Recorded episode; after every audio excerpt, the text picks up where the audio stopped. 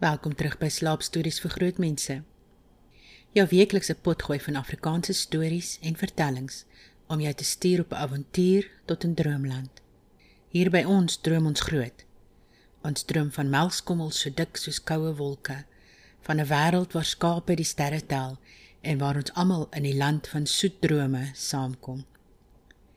So trek daai snoesige kombers nader, maak seker die honde het 'n draai geloop en laat ons jou lei na 'n droomland waar die maan jou omhels soos winterskombers en die sterre vir jou sprokies vertel so oud soos die heelal.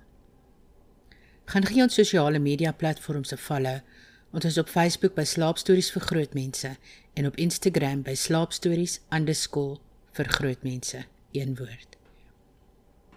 As jy die potgooi wil ondersteun, kan jy die skakels in die inligtingblokkie kry. As jy nie finansiëel kan ondersteun nie, kan jy ook net vir ons 'n 5-ster review gee, soos die jonges mos sê, op die platform waarop jy nou luister of stuur hom aan vir jou beste pel om ook te luister.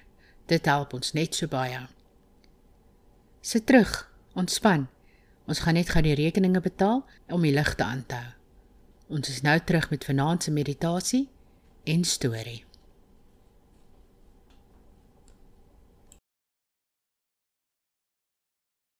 Vanaand is ons borg die koler. Enige persoonlike skryftaak, groot of klein, kan ons vir jou doen. Besighede, ons help met artikels en enige sosiale media inhoud. Studente, ons kan help met toesprake, debatte of take. En skrywers, julle kan ook op ons klokkie druk. Gaan na ons Facebook bladsy De Koler vir meer info. Hoop om binnekort van jou te hoor. De Koler, we do it right for you. Daar sê Wens ek het geweet van hulle toe ek my boeke geskryf het. Maar nou ja.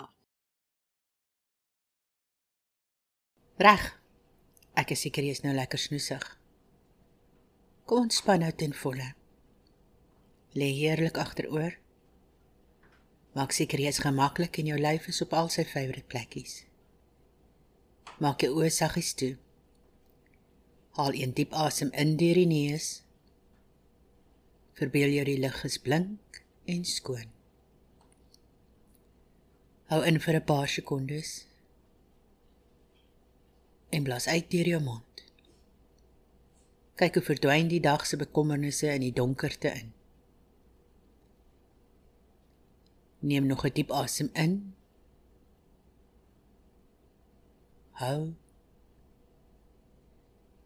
En uit. Voel hoe alle stres stadig uit jou lyf uitdryf. Jou voete voel lig en val selfs kante toe. Bene volg. Die maag. Bors. Arms. Skouers. Laat die kakebeen sak. Laat jou kop rustig rus. Asem in en uit. Asem in en uit. Jy lê op die gras en staar na die sterre. Die naglige skildery van skoonheid bo jou. Elke ster 'n ligpunt. 'n Glinsterende herinnering aan die magie van die heelal voel die kleinheid in die grootsheid van die naghemel. Die stilte is gevul met die fluistering van die kosmos. 'n Saggies klanklose lied van ewige geheime. Voel die rustigheid van die heelal. 'n Onmeetlike ruimte wat jou siel omvou en jou gedagtes na verre plekke neem die skakeringe van die sterre vorm 'n magiese prentjie teen die donkerblou agtergrond.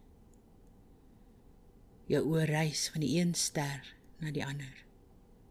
Elkeen 'n unieke skoonheid. Voel die kosmiese dans. Die rykdom van die heelal wat voor jou ontvou. Hier onder die sterrehemel vind jy vrede en laat jou gedagtes vry om te droom van onbekende wêrelde. Hier is ons storie. Vanaand vertel ek julle so 'n bietjie van die sonnestelsel. Die sonnestelsel bestaan uit die son en die ander hemelliggame wat deur swaartekrag daaraan gebind is en daarom wentel.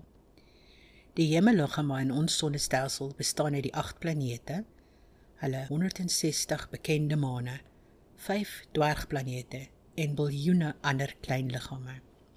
Hierdie klein liggame of klein sonnestel voorwerpe sluit asteroïdes, ysige kuipergordelvoorwerpe, komete, meteorites en interplanetêre stof in. Die aarde is die derde planeet van die sonnestelsel.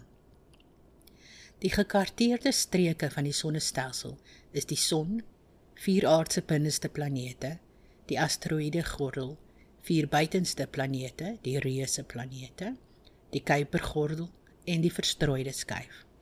Die teoretiese oortwolk bestaan moontlik op 'n afstand ongeveer 1000 maal verder as die gekarteerde streke. Die vloei van plasma vanaf die son deur die sonwind deurdring die sonnestelsel. Dit skep 'n stellare windbel in die interstellare medium genaamd die helio of sonsfeer wat tot in die middel van die verstrooide skyf streek. Die planete in die sonnestelsel in volgorde van hulle afstand van die son af is: Mercury, Venus, Aarde, Mars, Jupiter, Saturnus, Uranus, Neptunus. Met die ingang van 2009 is vyf kleiner voorwerpe as dwergplanete geklassifiseer. Ceres is in die asteroïde gordel en vier ander wentel om die son agter Neptunus. Pluto voorheen as die 9de planeet geklassifiseer, Haumea, Makemake en Eris. Ses van die planete en 3 van die dwergplanete word deur natuurlike satelliete omwentel. Daar word gewoonlik na hierdie satelliete as maane verwys, soos die Aarde se eie maan. Al die buitenste planete word deur planetêre ringe van stof en ander partikels omring.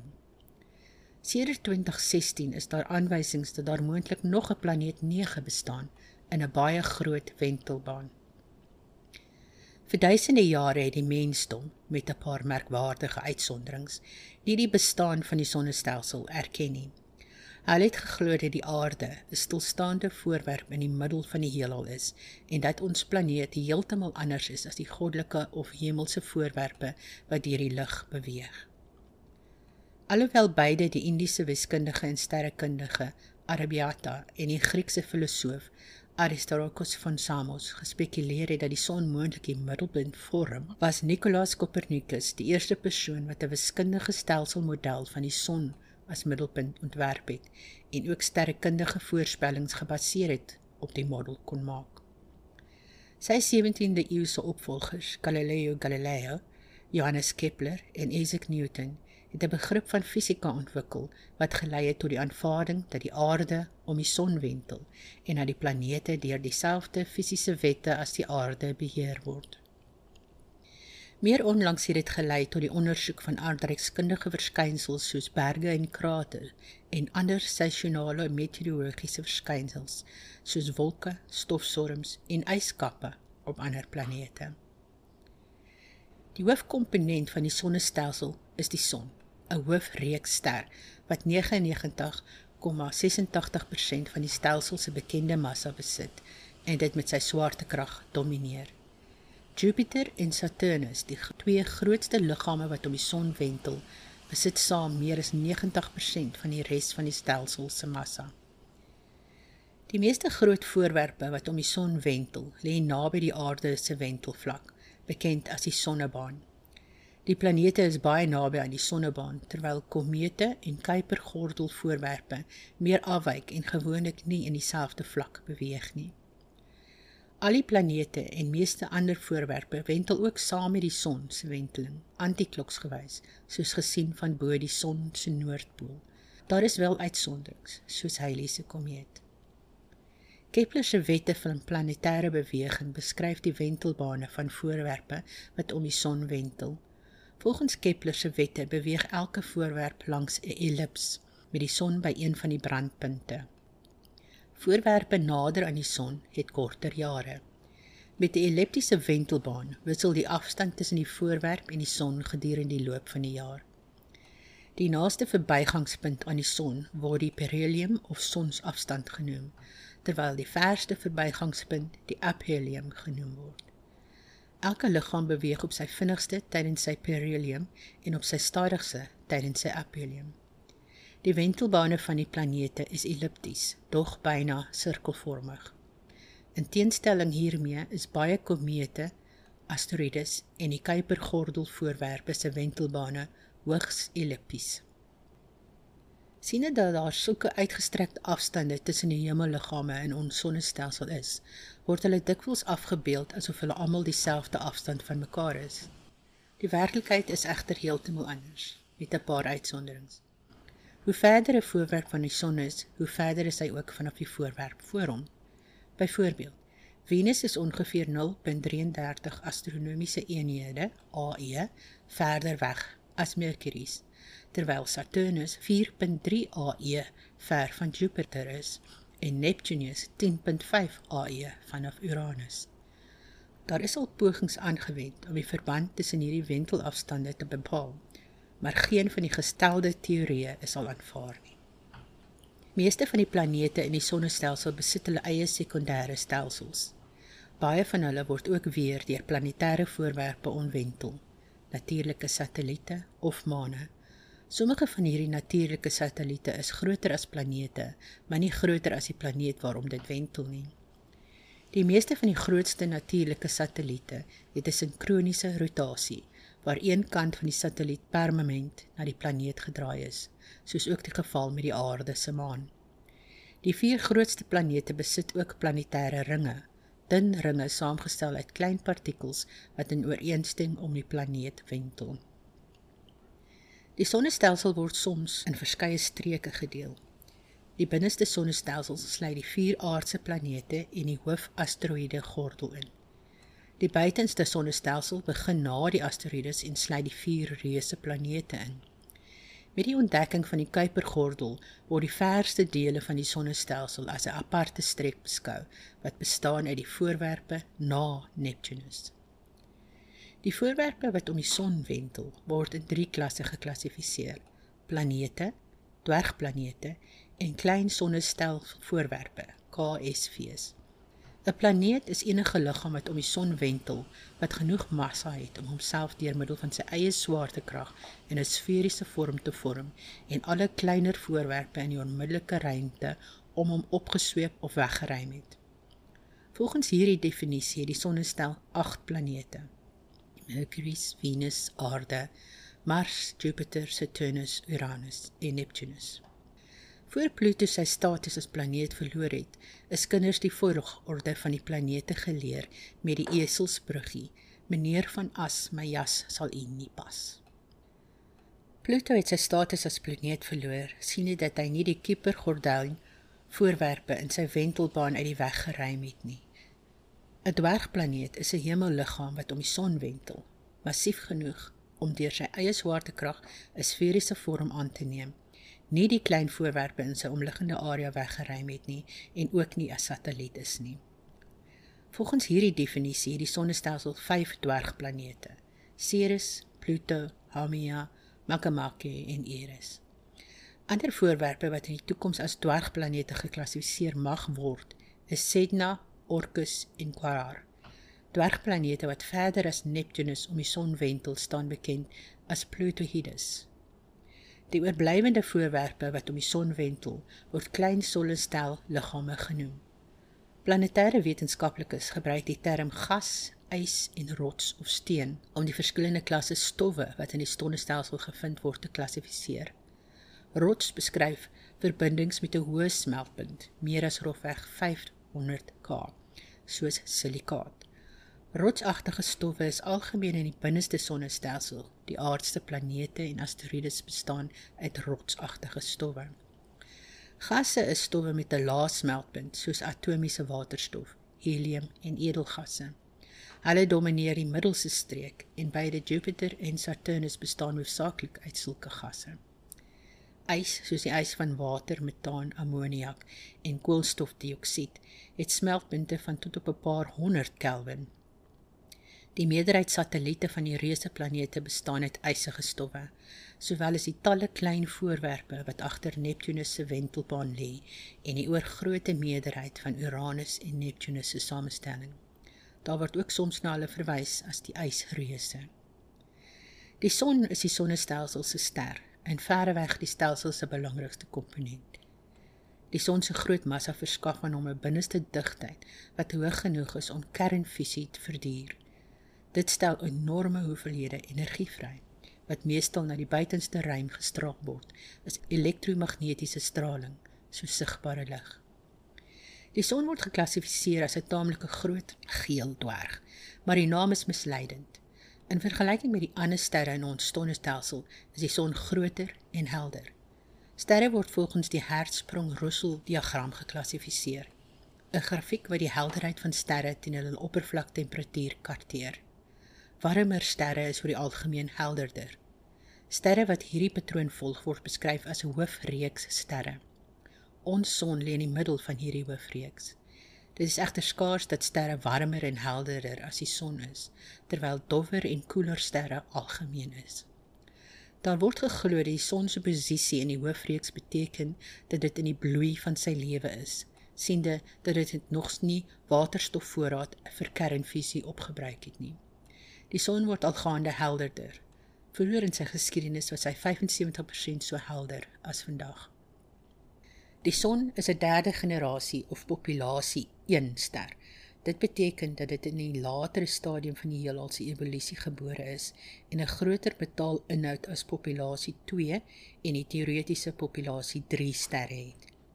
Die term metaal verwys hier na elemente wat swaarder is as waterstof en helium. Elemente wat swaarder as waterstof en helium is, is vervoer in die kern van antieke ontploffende sterre. So die eerste generasie sterre moes sterf voor die heelal met hierdie atome verryk kon word. Die oudste sterre bevat min metale, terwyl nuwer sterre altyd meer bevat. Daar word gereken dat die hoë metaalinhoud beslissend was in die ontwikkeling van 'n planetêre stelsel saam met die son, siende dat planete gevorm word uit die aanwas van metale. Die son straal nie slegs lig uit nie, maar ook 'n aanhoudende stroom gelaaide deeltjies, plasma, bekend as die sonwind.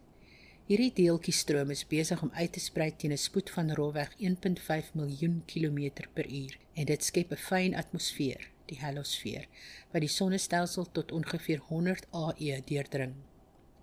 Dit vorm die hoofbestanddeel van die interplanetêre materie of interplanetêre stof, die materiaal wat ons sonnestelsel vul en waardeur al die groter hemellaggeme deur moet beweeg. Geomagnetiese storms op die son se oppervlak, soos sonvlamme en korale massa uitwerpings, versteur die helosfeer en skep ruimte weer. Die son se omwentelende magnetiese veld werk op die interplanetêre materie in om die helosferiese neutrale vlakke te skep. Die helosferiese met neutrale vlak is die grootste struktuur in die sonnestelsel en is die vlak van die sonnestelsel waar die polariteit van die son se magnetiese veld van noord na suid verander. Die aarde se magnetiese veld beskerm die atmosfeer teen wisselwerking met die sonwind. Venus en Mars het nie magnetiese velde nie, wat beteken dat die sonwind besig is om hulle atmosfere te erodeer. Die atmosfere is besig om te verbrokkel en om in die ruimte in te waai. Die wisselwerking tussen die sonwind en die aarde se magnetiese veld veroorsaak die auroras of poolligte wat naby magnetiese pole waargeneem kan word.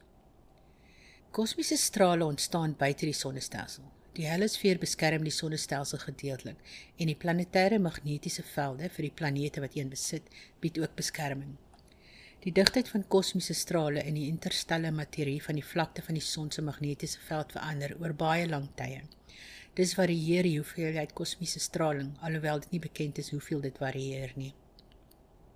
Die interplanetêre materie is die duiste van ten minste twee skyfelagtige streke wat uit kosmiese stof bestaan. Die eerste, die interplanetêre stofwolk, lê in die binneste sonnestelsel, Dit is waarskynlik gevorm deur botsings binne in die asteroïde gordel, veroorsaak deur interaksies met die planete. Die tweede strek van ongeveer 10 AE tot ongeveer 40 AE en is waarskynlik gevorm deur soortgelyke botsings binne in die Kuipergordel. Die binneste sonstelsel verwys na die streek wat die aarde se planete en asteroïdes bevat. Die voorwerpe in die binneste sonnestelsel bestaan hoofsaaklik uit silikate en metale en drom baie naby aan die son saam. Die radius van hierdie hele streek is korter as die afstand tussen Jupiter en Saturnus. Die vier binneste of aardse planete het digte rotsagtige samestellings, min of geen maane en geen ringstelsels nie. Hulle is hoofsaaklik saamgestel deur minerale met hoë smeltpunte, soos die silikate wat hulle kors en mantel vorm, en metale soos yster en nikkel wat hulle kerns vorm. Drie van die vier binneste planete, Venus, Mars en die Aarde, het substansiële atmosfere. Almal het imprakkrates en tektoniese oppervlakseienskappe soos skeurdale en vulkane. Mercury is die planeet wat die naaste aan die son is en dit is ook die kleinste planeet. Mercury het geen natuurlike satelliete nie en die enigste geologiese eienskappe sover bekend, behalwe impakkrates en gelopte bulte of rupus afgrond in Latyn, waarskynlik veroorsaak deur 'n periode van ineentrekking vroeg in die planeet se geskiedenis. Mercury se geringe atmosfeer bestaan uit atome wat deur die sonwind van sy oppervlakte afgeblaas word. Die planeet se relatief groot ysterkern en dun mantel is nog nie geheel en al verklaar nie. Sommige teorieë beweer dat die planeet se buitenste laag deur 'n reuse impak weggestroop is en dat deur die jong son se straling gekeer is om ten volle aan te was. Venus se grootte is vergelykbaar met die aarde en het ook soos die aarde 'n dik silikaatmantel om 'n ysterkern, 'n substansiële atmosfeer en bewyse van interne geologiese aktiwiteit. Dit is egter baie droër as die aarde en sy atmosfeer is 90 keer digter. Venus het geen natuurlike satelliete nie. Dit is die warmste planeet met oppervlaktemperature van meer as 400 grade Celsius. Hoogs waarskynlik te danke aan die groot aantal kweekhuisgasse in die atmosfeer. Geen definitiewe bewyse van huidige geologiese aktiwiteit is op Venus bespeer nie, maar dit het nie 'n magnetiese veld wat die verdunning van sy substansiële atmosfeer sal voorkom nie Dit stel voor dat sy atmosfeer dikwels deur vulkaniese uitbarstings aangevul word. Die aarde is die grootste en digste van die binneste planete en enigste planeet wat sover bekend tans geologiese aktiwiteit het. Dit is ook die enigste bekende planeet wat lewe bevat. Die planeet so vloeibare hidrosfeer, wateromhulsel is uniek onder die aardse planete en dit is ook die enigste planeet waar plaat tektonika waargeneem is. Die aarde se atmosfeer verskil drasties van die van die ander planete. Die aanwesigheid van lewe het dit so gewysig dat dit 21% vrye suurstof bevat. Die aarde het slegs een natuurlike satelliet, die maan. Die enigste groot satelliet van die aardse planeet is die sonnestelsel. Mars is kleiner as die aarde en Venus. Dit besit 'n tengerige atmosfeer wat hoofsaaklik uit koolstofdioksied bestaan. Die planeet se oppervlakte is besaai met groot vulkane soos Olympus Mons en skeurdale soos Valles Marineus. Die oppervlak toon ook dat geologiese aktiwiteit moontlik tot baie onlangs daar plaasgevind het. Mars se kenmerkende rooi kleur is as gevolg van roes. Die grond op die rooi planeet is ryk aan yster. Mars het twee uiterse klein natuurlike satelliete, Phobos en Deimos. Daar word geglo dat die twee gevange asteroïdes is. Asteroïdes is meestal klein hemelliggame wat hoofsaaklik uit rotsagtige en metallieke en nie vlugtige minerale saamgestel is. Die hoofasteroïde gordel bestaan die wentelbaan tussen Mars en Jupiter tussen 2.3 en 3.3 AE. Daar word geglo dat dit oorblyfsels van die sonnestelsel se vorming is wat nie daarin geslaag het om te aan te was nie as gevolg van die swaartekragstorings deur Jupiter. Asteroïdes se grootste wissel van mikrobiese tot 100 km wyd en hulle word as KSV's geklassifiseer. Alhoewel sommige soos 4 Vesta en 10 Hyglea as dwergplanete herklassifiseer mag word indien daar bewys word dat hulle hidrostatiese ewigheid bereik het. Die asteroïde gordel bevat duisende der duisende, moontlik selfs miljoene voorwerpe wat 'n deursnit van meer as 1 km het. Ten spyte hiervan is die totale massa waarskynlik minder as 'n duisendste van die aarde. Die hoofgordel bevat uitgestrekte ruimtes waaraan geen voorwerp voorkom nie. Ruimtetuie beweeg dikwels met gemak deur hierdie gebied. Asteroïdes met 'n deursnit tussen 10 en 10 tot die 4 staan bekend as meteorites. Ceres is die grootste liggaam in die asteroïdegordel en is geklassifiseer as 'n dwergplaneet. Dit het 'n deursnee van net onder 100 km, groot genoeg vir die dwergplaneet se swaartekrag om dit as 'n sferiese vorm te trek. Met die ontdekking van Ceres in die 19de eeu is dit as 'n planeet beskou, maar in die 1850 is dit as asteroïde herklassifiseer na verder ondersoek die teenwoordigheid van meer asteroïdes bevestig het. Ceres is in 2007 opnuut as 'n dwergplaneet geklassifiseer. Asteroïde groepe. Asteroïdes in die hoofgordel word verdeel in asteroïde groepe en asteroïde families. Asteroïde maane is asteroïdes wat om groter asteroïdes wentel. Hulle word nie so duidelik as planetêre maane onderskei nie en is soms selfs so groot as die voorwerpe waarom hulle wandel. Die asteroïde gordel bevat ook hoofgordel komete wat moontlik die bron van die aarde se water was. Trojaanse asteroïdes word in een van Jupiter se 4de en 5de Lagrange punte, punte van stabiele swaartekrag aangetref. Trojaan word ook gebruik vir klein liggame en enige ander planetêre of satelliet Lagrange punt.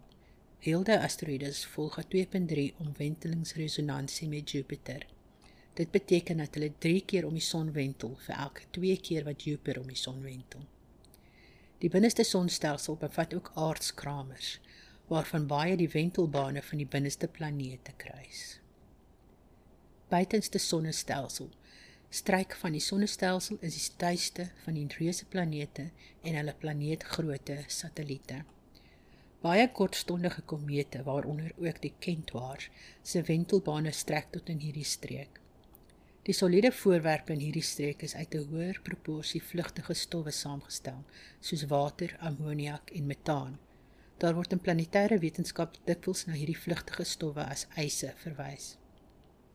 Hierdie samestelling is in kontras met die rotsagtige samestelling van die binneste planete.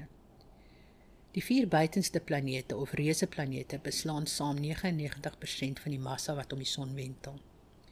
Jupiter en Saturnus bestaan hoofsaaklik uit waterstof en helium, terwyl Uranus en Neptunus 'n groter proporsie yse in hulle samestelling het. Sommige sterrekundiges het voorgestel dat hulle in hulle eie kategorie geplaas moet word, taamlike ysreuse. Al vier die reuse planete het 'n planetêre ringstelsel, alhoewel slegs Saturnus maklik vanaf die aarde waargeneem kan word.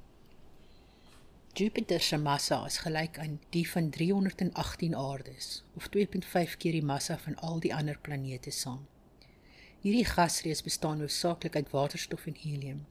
Sy sterk interne hitte is verantwoordelik vir 'n aantal semi-permanente eienskappe in die planeet se atmosfeer, soos wolkegordels en die groot rooi kool. Jupiter het 63 natuurlike satelliete sover bekend. Die vier grootes, Ganymedes, Callisto, Lo en Europa toon ooreenkomste met aardse planete soos vulkanisme en interne verwarming. Ganymedes is die grootste satelliet in die sonnestelsel en is selfs groter as Mercury.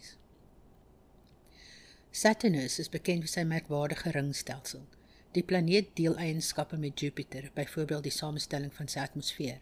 Hy is egter minder massief met 'n massa gelyk aan die van 95 aardes. Saturnus het 60 satelliete sover bekend, asook nog 3 onbevestigde satelliete. Twee van sy satelliete, Titan en Enceladus, toon tekens van geologiese aktiwiteit, alhoewel hulle hoofsaaklik uit ys bestaan. Titan is groter as die planeet Mercury en is in die enigste satelliet in die sonnestelsel met 'n substansiële atmosfeer. Uranus het 'n massa gelyk aan 14 aardes en is die ligste van die buitenste planete. Die planeet is uniek siene dat dit op sy eie om die son wentel. Die skynste van Uranus se as is meer as 90 grade tot die eklipties. Hy het 'n baie kouer kern as die ander reuse planete en straal bitter min hitte na die ruimte uit. Uranus het sover bekend 27 natuurlike satelliete waarvan Titliana, Oberon, Umbriel, Ariel en Miranda die grootste is. Neptunus is ietwat kleiner as Uranus, maar het steeds 'n groter massa, gelyk aan 17 aardes en is dus digter. Hy straal ook meer interne hitte uit, maar nie soveel as Jupiter of Saturnus nie. Neptunus het 13 satelliete sover bekend. Die grootste Triton is geologies aktief met gelsers van vloeibare stikstof. Triton is die enigste groot satelliet met 'n terugwaartse wentelbaan. Neptunus word deur 'n aantal Plutonius in sy wentelbaan vergesel. Hulle staan as Neptunus Trojane bekend en is in 'n 1.1 wentelresonasie met die planeet, wat beteken dat hulle mekaar in dieselfde wentelbaan volg. Komete is klein sonnestelliggame, gewoonlik slegs 'n paar kilometer wyd wat hoofsaaklik uit vlugtige eise saamgestel is. Hulle het hoë eksentrum wentelbane, gewoonlik 'n perihelium binne in die wentelbaan van die binneste planeet en 'n aphelium ver agter Pluto. Wanneer 'n komeet die sonnestelsel binnekom, veroorsaak die son se nabyheid dat die ysige oppervlak van die komeet verdamp en ioniseer, wat 'n komma veroorsaak. 'n Lang waselagtige stert van gas en stof wat dikwels aan die blote oog sigbaar is. Kortstondige komete het wentelbane wat minder as 200 jaar duur. Langdurige komete het wentelbane wat duisende jare kan neem. Daar word geglo dat kortstondige komete in die Kuipergordel ontstaan het, terwyl langdurige komete soos Hale-Bopp van die oord volkomstig is. Baie komeetgroepe, soos die Kreutz-groep, het gevorm uit die uiteenskering van 'n enkele ouer komeet. Sommige komete het hiperboliese wentelbane het moontlik buite die sonnestelsel ontstaan, alhoewel dit moeilik is om hulle presiese wentelbaan te bepaal. Ou komete waarvan die meeste vlugtige stowwe deur sonverwarring uitgedryf is, word dikwels as asteroïdes gekategoriseer. Kentaur Platyhurus is ysige komeetagtige liggame met 'n semi-belangrike as wat groter as Jupiter is en kleiner as Neptunus. Die grootste bekende Kentaur is 10199 Chariklu met 'n deursnee van ongeveer 250 km. Die eerste kentaar wat ontdek is, is 2060 Chiron en word ook as 'n komeet geklassifiseer. Siende dat dit net soos ander komete 'n komma ontwikkel wanneer dit naby die son kom. Transneptuniese streek, die gebied verby Neptunus, soms verwys na as die Transneptuniese streek, is steeds hoofsaaklik onbekend. Dit blyk uit veral klein liggame te bestaan. Die grootste liggaam het 'n deursnit gelykstaande aan 'n vyfde van die van die aarde en 'n massa kleiner as die maan. Hierdie liggaam word hoofsaaklik uit klip en ys. Die Kuipergordel is 'n groot ring wat uit brokstukke bestaan, soortgelyk aan die asteroïdegordel, alhoewel die voorwerpe in die Kuipergordel hoofsaaklik uit ys bestaan. Dit strek van 30 tot 50 50 AE vanaf die son. Dit bestaan hooflik uit KSV's, maar baie van die groter voorwerpe, soos 5000 Korar, 20000 Varuna en 90482 Orcus, mag moontlik in die toekoms as dwergplanete herklassifiseer word.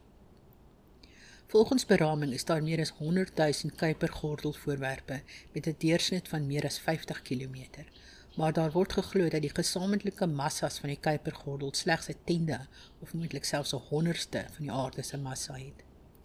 Baie Kuipergordel voorwerpe het verskeie satelliete en die meeste het wentelbane wat hulle buite die ekliptiese vlak neem. Die Kuipergordel kan rofweg in twee gedeel word: die klassieke gordel en die resonansiegordel. Resonante voorwerpe beweeg in baanresonansies met Neptunus, Hulle wenteltyd om die son is presies 3.2 keer so groot as Neptunus se wenteltyd. Die klassieke gordel bestaan uit voorwerpe wat geen resonansie met Neptunus het nie, en strek van ongeveer 93.4 tot 24.7 AE. Pluto is 'n dwergplaneet en het die grootste bekende voorwerp in die Kuipergordel. Met Pluto se ontdekking in 1930 was dit as die negende planeet beskou, maar die klassifikasie is in 1996 verander met die aanneming van 'n amptelike definisie van 'n planeet. Pluto het 'n relatief eksentriese wentelbaan met 'n inklinasie van 17 grade tot die ekliptiese vlak wat strek van 29.7 AE tydens perihelium steeds binne die wentelbaan van Neptunus tot 94.5 AE tydens aphelium. Dit is nie duidelik of Charon, Pluto se grootste maan in die toekoms as 'n dwergplaneet geklassifiseer sal word en of dit sy huidige klassifikasie sal behou nie. Beide Pluto en Charon wentel om 'n barysentrum van swaartekrag bo hulle oppervlakte, wat beteken dat Pluto Charon 'n binnere stelsel is.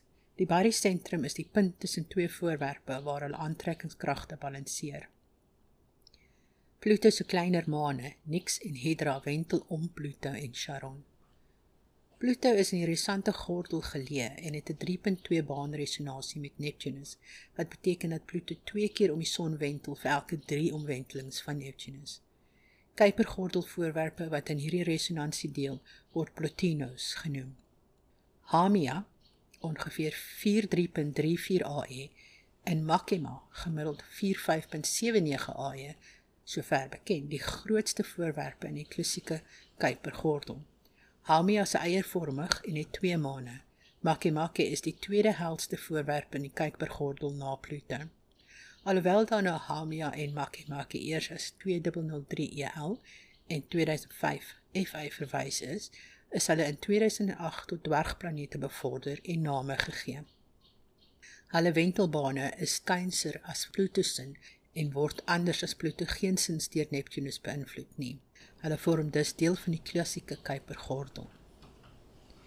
Die verstrooide skyf oorvleuel die Kuipergordel, maar strek verder na buite.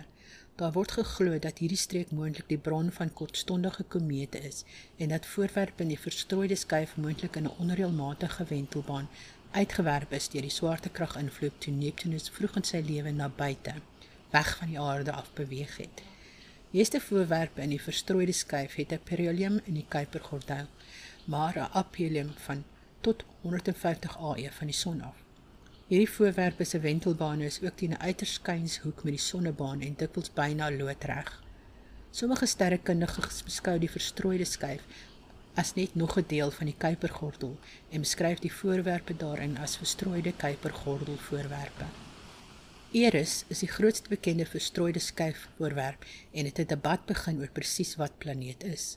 Eris is naamlik 5% groter as Pluto met 'n beraamde deursnit van 2400 km. Dit is die grootste dwergplaneet en het een maan, dis Nomia. Eris het soos Pluto 'n hoogs eksentriese wentelbaan met 'n perihelium van 83.2 AU. Rolweg die afstand vas Pluto van die son af is en 'n aphelium van 97.6 AU. Eris se wentelbaan is teen 'n hoek van 44 grade tot die sonnebaan verste streke is dit is nie 100% duidelik waar die sonnestelsel eindig en interstellêre ruimte begin nie. Aangesien die sonnestelsel se grense deur twee kragte gevorm word, die sonwind en die son se swaartekrag. Die buitenste grens van die sonwind se invloed is rofweg 4 keer die afstand tussen Pluto en die son. Hierdie helopause word as die begin van die interstellêre materie beskou. Daar word egter geglo dat die son se heelsfeer, dit wil sê die effekte bereik van die son se swaartekrag invloed, tot 1000 keer verder strek. Die helio of sonsfeer word in twee aparte streke gedeel. Die sonwind reis teen omtrent 40000 km per sekonde tot dit teen die plasmagolwe in die interstellêre materie bots. Die botsing vind in die gebied bekend as grensskok plaas, omtrent 80 tot 100 AE wind op vanaf die son en omtrent 200 AE wind af vanaf die son. Hier word die wind baie stadiger, digter en word dit meer stormagtig en vorm 'n groot ovaal struktuur wat as die sonskede bekend staan. Die sonskede lyk baie soos 'n komeet se stert en tree ook soos een op.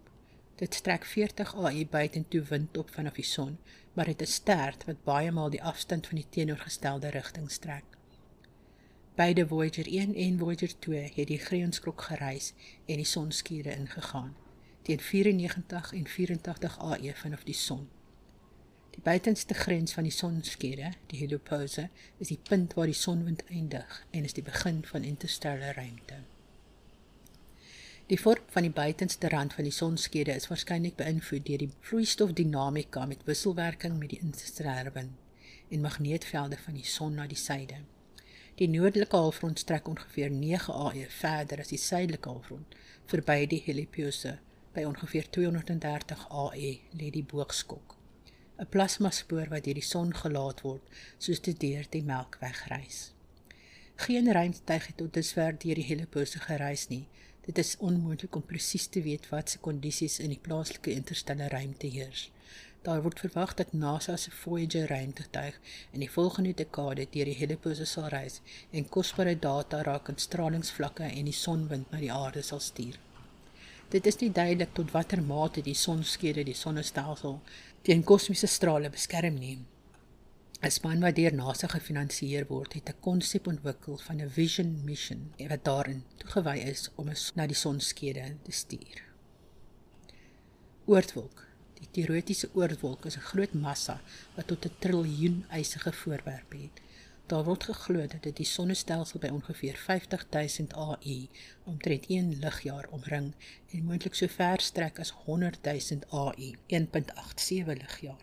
Daar word ook geglo dat die oortwolk die bron vir alle langdurige komete is, aangesien die oortwolk self bestaan uit komete wat deur die swaartekragwisselwerking van die buitenste planete uit die binneste sonnestelsel gestoot is. Voorwerpe in die oortwolk beweeg baie stadig en kan gestoor word deur ongereelde gebeurtenisse soos botsings, die swaartekrag, 'n verbygaande ster, die gety van die sterrestelsel en die gety van die Melkweg. Daar is steeds groot dele van ons sonnestelsel wat onbekend is. Daar word beraam dat die son se swaartekragveld omliggende sterre so ver weg as 2 ligjare domineer.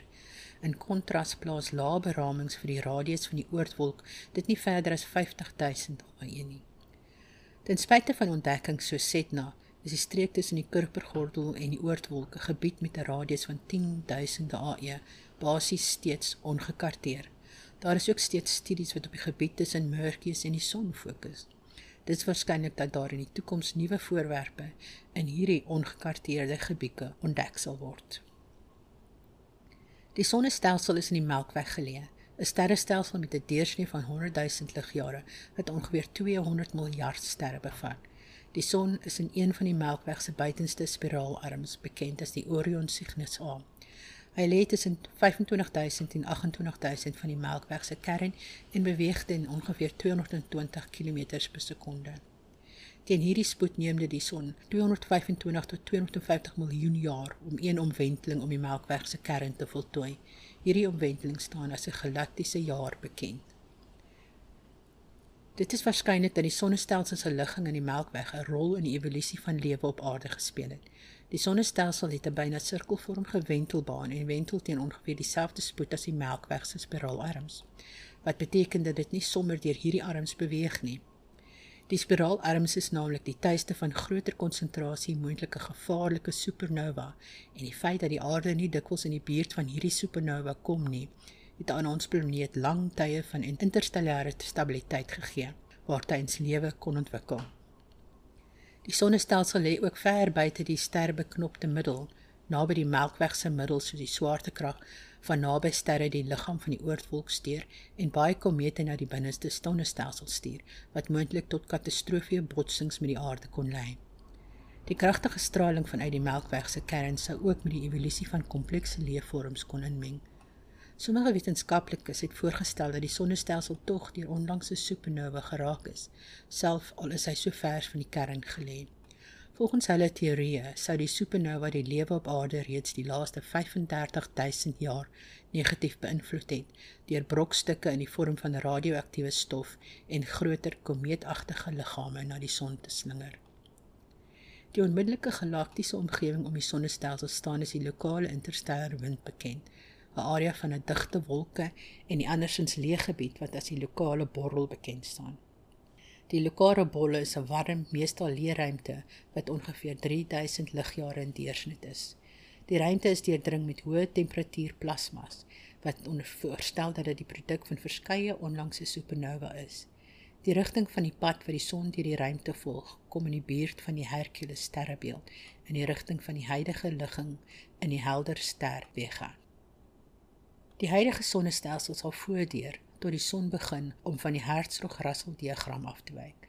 Die son het 'n beperkte hoeveelheid waterstof wat voortdurend opgebrand word. Na mate die waterstof opbraak, sal die energieopbrengs wat die kern ondersteun afneem, wat sal veroorsaak dat die son ineen sal krimp. Die toename in druk verhit die kern wat veroorsaak dat die waterstof vinniger brand. Dit veroorsaak dat die son elke 1.1 miljard jaar ongeveer 10% helderder brand. In ongeveer 5.4 miljard jaar sal die waterstof in die son se kern geheel en al in helium opgesit wees, wat die einde van die hoofreeksfase sal aandui. Teen hierdie tyd sal die binneste laag van die son uitsit tot ongeveer 260 sy huidige deursnit. Die son sal 'n rooi reus word. Aangesien die son se oppervlak aansienlik groter sal wees, sal dit juis koeler wees as wat tans die geval is, tot 'n minimum van 2600 K. Hierdie buitenste laag sal meerdertyd wegval en 'n wit dwerg agterlaat, 'n voorwerp wat uiters dig sal wees. Selfs die helfte van die oorspronklike massa van die son sal oorhou en die grootte van die aarde sal wees. Die laag wat wegval sal 'n planetêre nebula vorm, waartydens sommige van die materiaal wat die son gevorm het, na die interstellar medium sal terugkeer. Lekker slaap.